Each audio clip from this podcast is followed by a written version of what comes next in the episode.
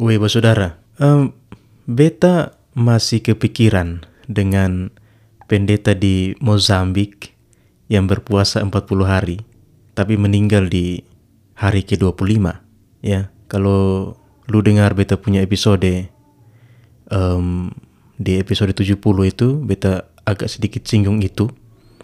Tapi setelah episode itu, beta pun masih masih berpikir, kenapa ya bisa seperti itu?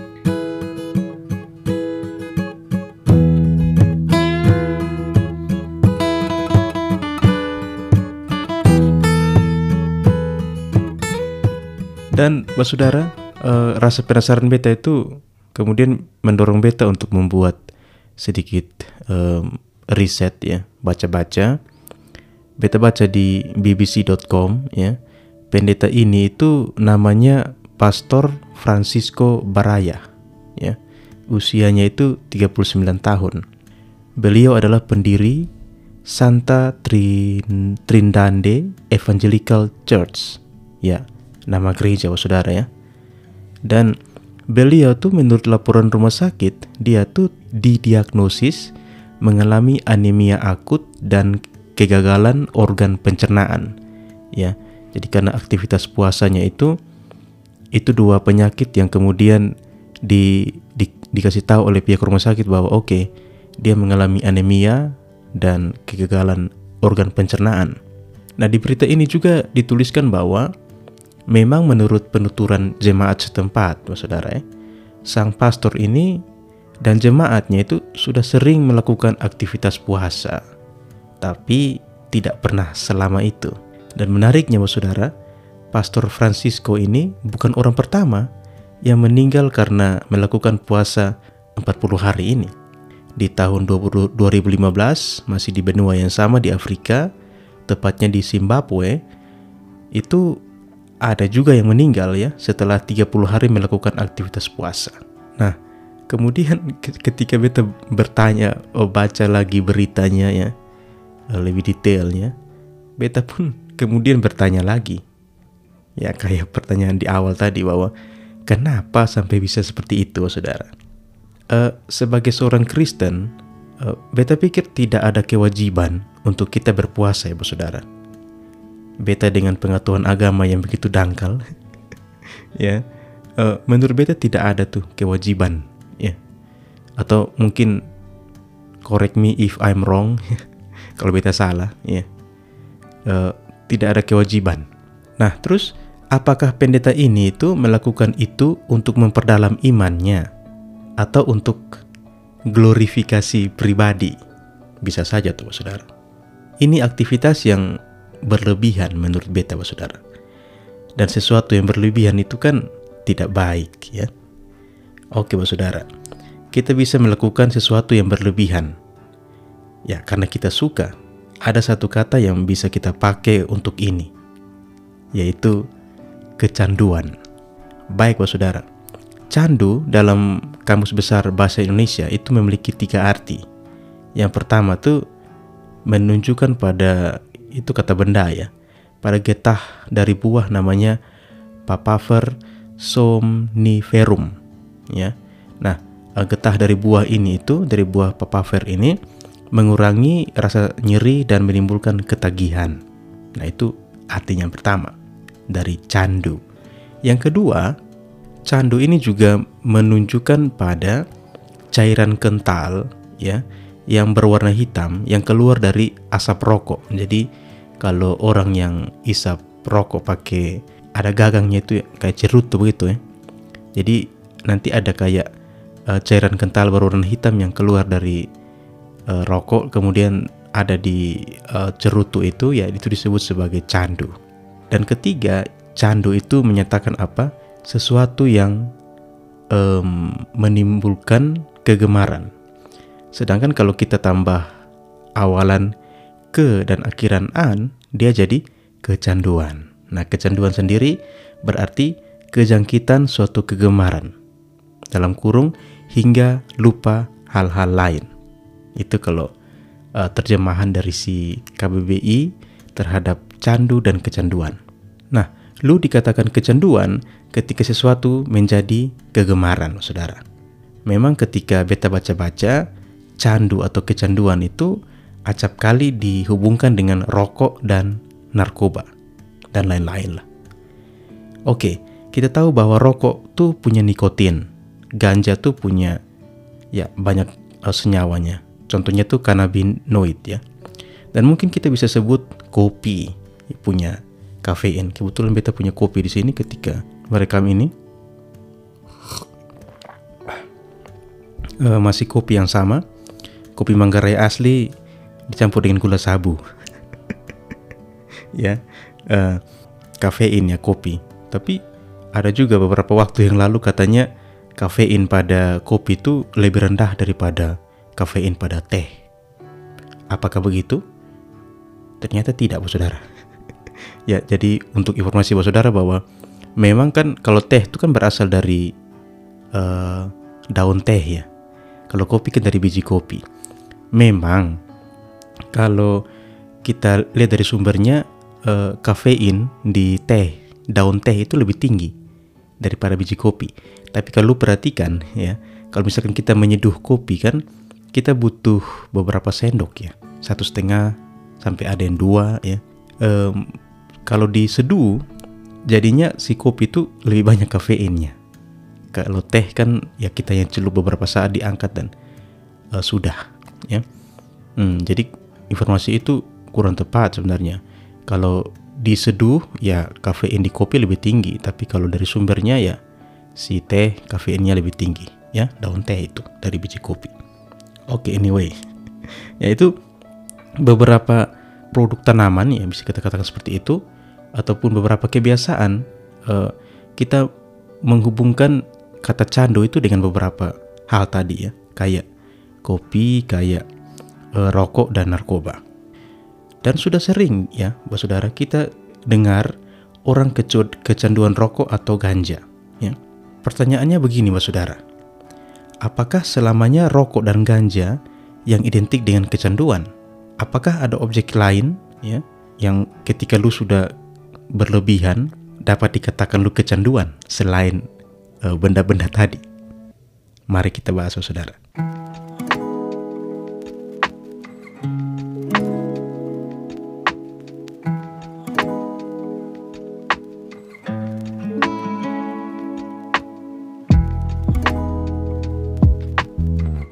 Pertama-tama, Bapak Saudara, kecanduan itu adalah penyakit medis dan bisa diobati. Ya, jadi ternyata kecanduan itu penyakit, Bapak Saudara. Ya, tapi positifnya kan bisa diobati. Bahkan dalam kesehatan, kecanduan itu disebut sebagai gangguan penggunaan zat, seperti itu. Tapi tidak sesederhana itu, Bapak Saudara. Untuk memahami kecanduan ini, kita harus mengerti brain chemistry atau um, kimia otak, saudara. Ya, um, otak manusia itu kan terhubung untuk menghadiahi kita ketika kita melakukan sesuatu yang menyenangkan. Jadi otak tuh kayak uh, punya mekanisme di mana kalau lu buat sesuatu yang buat lu senang, ada rewardnya, saudara, buat lu sendiri. Contoh, berolahraga, makan, dan perilaku lain yang terkait dengan kelangsungan hidup kita itu akan memicu pelepasan neuro neurotransmitter yang sudah beta bahas minggu lalu juga namanya dopamin. Nah, produksi dopamin ini tidak hanya membuat kita merasa baik, tetapi juga mendorong kita untuk terus melakukan apa yang kita lakukan itu. Artinya, ini mengajarkan otak kita untuk mengulangi perilaku tersebut. Sistem ini disebut sebagai reward system atau sistem penghargaan. Jadi ketika lu buat sesuatu dan uh, lu senang, oh saudara, di situ akan ada kimia otak kita tuh akan memicu produksi dopamin karena lu senang tadi, ya. Dan ada sistem namanya reward system atau sistem penghargaan itu. Contoh, saat lu pakai narkoba misalkan, otak melepaskan banyak dopamin tuh karena lu senang. Nah, proses ini memberitahu otak bahwa oke, okay, perilaku ini harus diulang nih, ya, aktivitas ini, pakai narkoba itu. Nah, Bapak Saudara, poinnya apa? Bahwa kimia otak kita yang memproduksi dopamin tadi itu bukan selamanya narkoba atau rokok. Ya, Oke, dua hal itu beta pikir lu harus hindari bos saudara. Beta sampai detik ini belum mencoba rokok. Ya, banyak bahkan ketika nongkrong dengan teman-teman mereka sering tanya, "Kenapa lu tidak rokok?" Dan jawaban beta selalu sama, ya. Yaitu apa? E, bapak saya, ya. Selama hidup itu dia cuman ajarkan saya tuh dua hal dia hanya larang saya tuh jangan buat dua hal begitu maksud beta. Yang pertama, jangan rokok, ya. Itu sehingga beta tidak pernah rokok. Dan yang kedua adalah jalan harus permisi, alias minta permisi. Jadi selama beta hidup hanya dua ajaran itu dan menurut beta kalau beta langgar dua itu, ya beta anak durhaka dong. Karena dia tidak pernah larang hal-hal yang lain lagi. ya. Nah, itu jawaban beta kenapa beta tidak rokok. Nah, Mas Saudara, apakah kecanduan itu identik dengan rokok dan narkoba? Bisa jadi sesuatu yang lu buat dan itu buat lu senang, itu pun akan memproduksi dopamin, Mas Saudara. Dan lu pun akan cenderung untuk melakukan hal itu sampai pada titik kecanduan, bukan menentu rokok atau narkoba. Contoh, Mas Saudara, dulu waktu masih SD, dan zamannya PS2, itu asli beta kecanduan, mas saudara.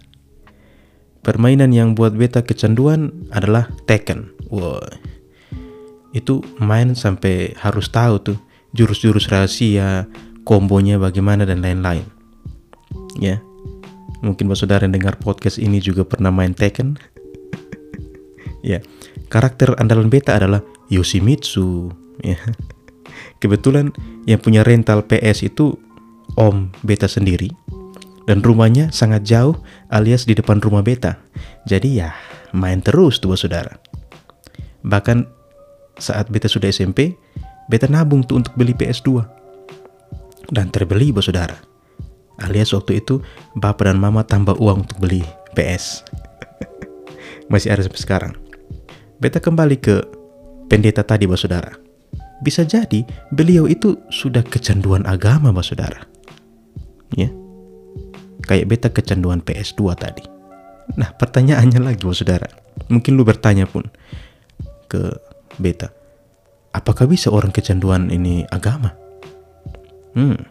Beta baca-baca dan beta dapat satu satu artikel. Ya, beta bukan artinya baca dan untuk mendapatkan sesuatu yang membenarkan beta punya pendapat, tidak. Tapi ini ya, beta hanya paparkan saja bahwa saudara bahwa ternyata ada loh satu situs namanya promises.com, lu bisa baca. Ternyata kecanduan agama itu bisa terjadi, bahwa saudara. Disebutkan bahwa salah satu indikator seseorang dikatakan kecanduan agama adalah terobsesi dengan aturan. Hmm. Seseorang yang kecanduan agama akan mengikuti aturan-aturan keagamaan dengan ketat. Dia tidak berhenti mempertanyakan tetapi hanya mematuhi aturan dengan obsesi pikirannya. Dia juga mungkin menghabiskan waktu berjam-jam memikirkan interpretasi aturan dan apa yang dianggap sebagai dosa. Itu hanya salah satu indikator, saudara. Ada sekitar lima indikator orang dikatakan kecanduan agama. Dan untuk kasus pendeta ini, ya, dia terobsesi dengan aturan. Apakah pendeta ini juga mendapatkan dopamin dengan kecanduan agamanya? Sudah pasti iya, oh saudara. Ya, entah motivasinya apa, tapi yang beta prediksi adalah kalau bukan glorifikasi pribadi, ya oke okay, dia kecenderungan agama. Nah, kemudian untuk fenomena ini ada satu istilah lagi, bos saudara. Kita sebut sebagai false dopamine hits. Apa itu?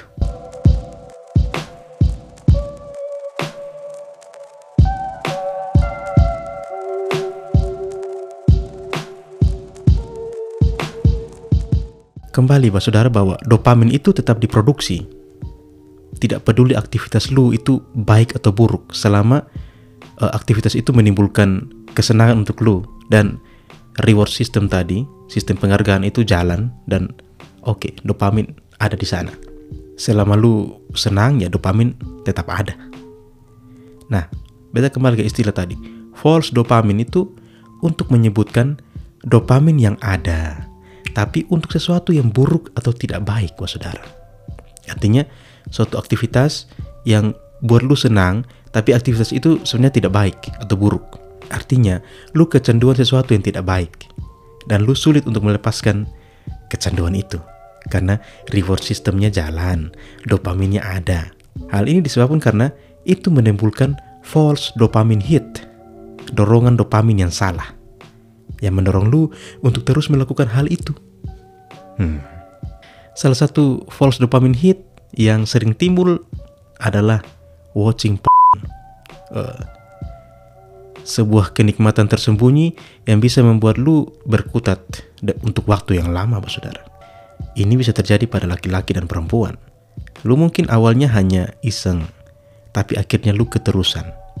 Biasanya lu pengen berhenti, tapi false dopamine hits itu membuat lu susah untuk keluar. Biasanya lu pengen berhenti, ya, tapi selalu gagal. Lu akan merasa malu dan bersalah. Dan menurut ahli psikologi, Pak Saudara, perasaan terendah manusia itu adalah dua perasaan ini. Perasaan malu dan bersalah. Betul lebih dari sekedar niat untuk lu lepas dari hal ini, Pak Saudara. Mungkin um, lu sekarang ada sedang ada di false dopamine hit nyalu ya apa apa saja itu apa pun itu. Sesederhana lu kecanduan gula ya sugar addict. Ini juga ya banyak yang aktivis-aktivis yang pro penggunaan ganja untuk kesehatan bilang bahwa manusia itu kan kecanduan gula ya. Ya sesederhana lu kalau lihat gorengan lu timbul keinginan untuk makan sebanyak-banyaknya begitu ya. Sesederhana lu kalau makan mie um, uh, tidak makan nasi lauknya mie itu sugar adik saudara. Kecenderungan gula. Atau kalau kita mau expand lagi kita perluas lagi misalkan lu kecanduan untuk gibah misalkan. Ngomong namanya orang kejelekan orang dan lain sebagainya. Hmm. perjulitan duniawi. Ya. Beta pun punya false dopamine hit yang salah. Ya dan beta berusaha untuk keluar dari itu. Pesan beta sih saudara coba kita berjuang saudara untuk lepas dari dopamin-dopamin yang salah itu, saudara. Perlahan kurangi, cari pola untuk upaya preventifnya lu, saudara. Beta selalu berpatokan bahwa hidup itu butuh pola, saudara. Meskipun ya kata Bapak Presiden ya bahwa ya manusia itu jangan terlalu berpola lah. Kita harus um, jangan apa kaku dengan aturan ataupun pola. Tapi untuk hal-hal hal-hal ya hal-hal yang biasa kita alami dalam hidup, kita pikir pola itu penting, mas saudara.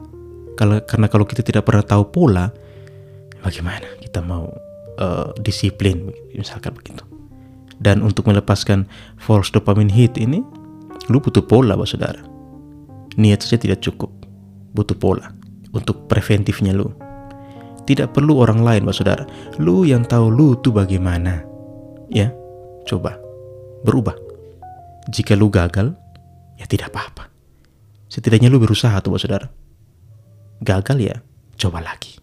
Sekian episode ini. Terima kasih sudah dengar, Saudara. Mari berjuang. Cheers.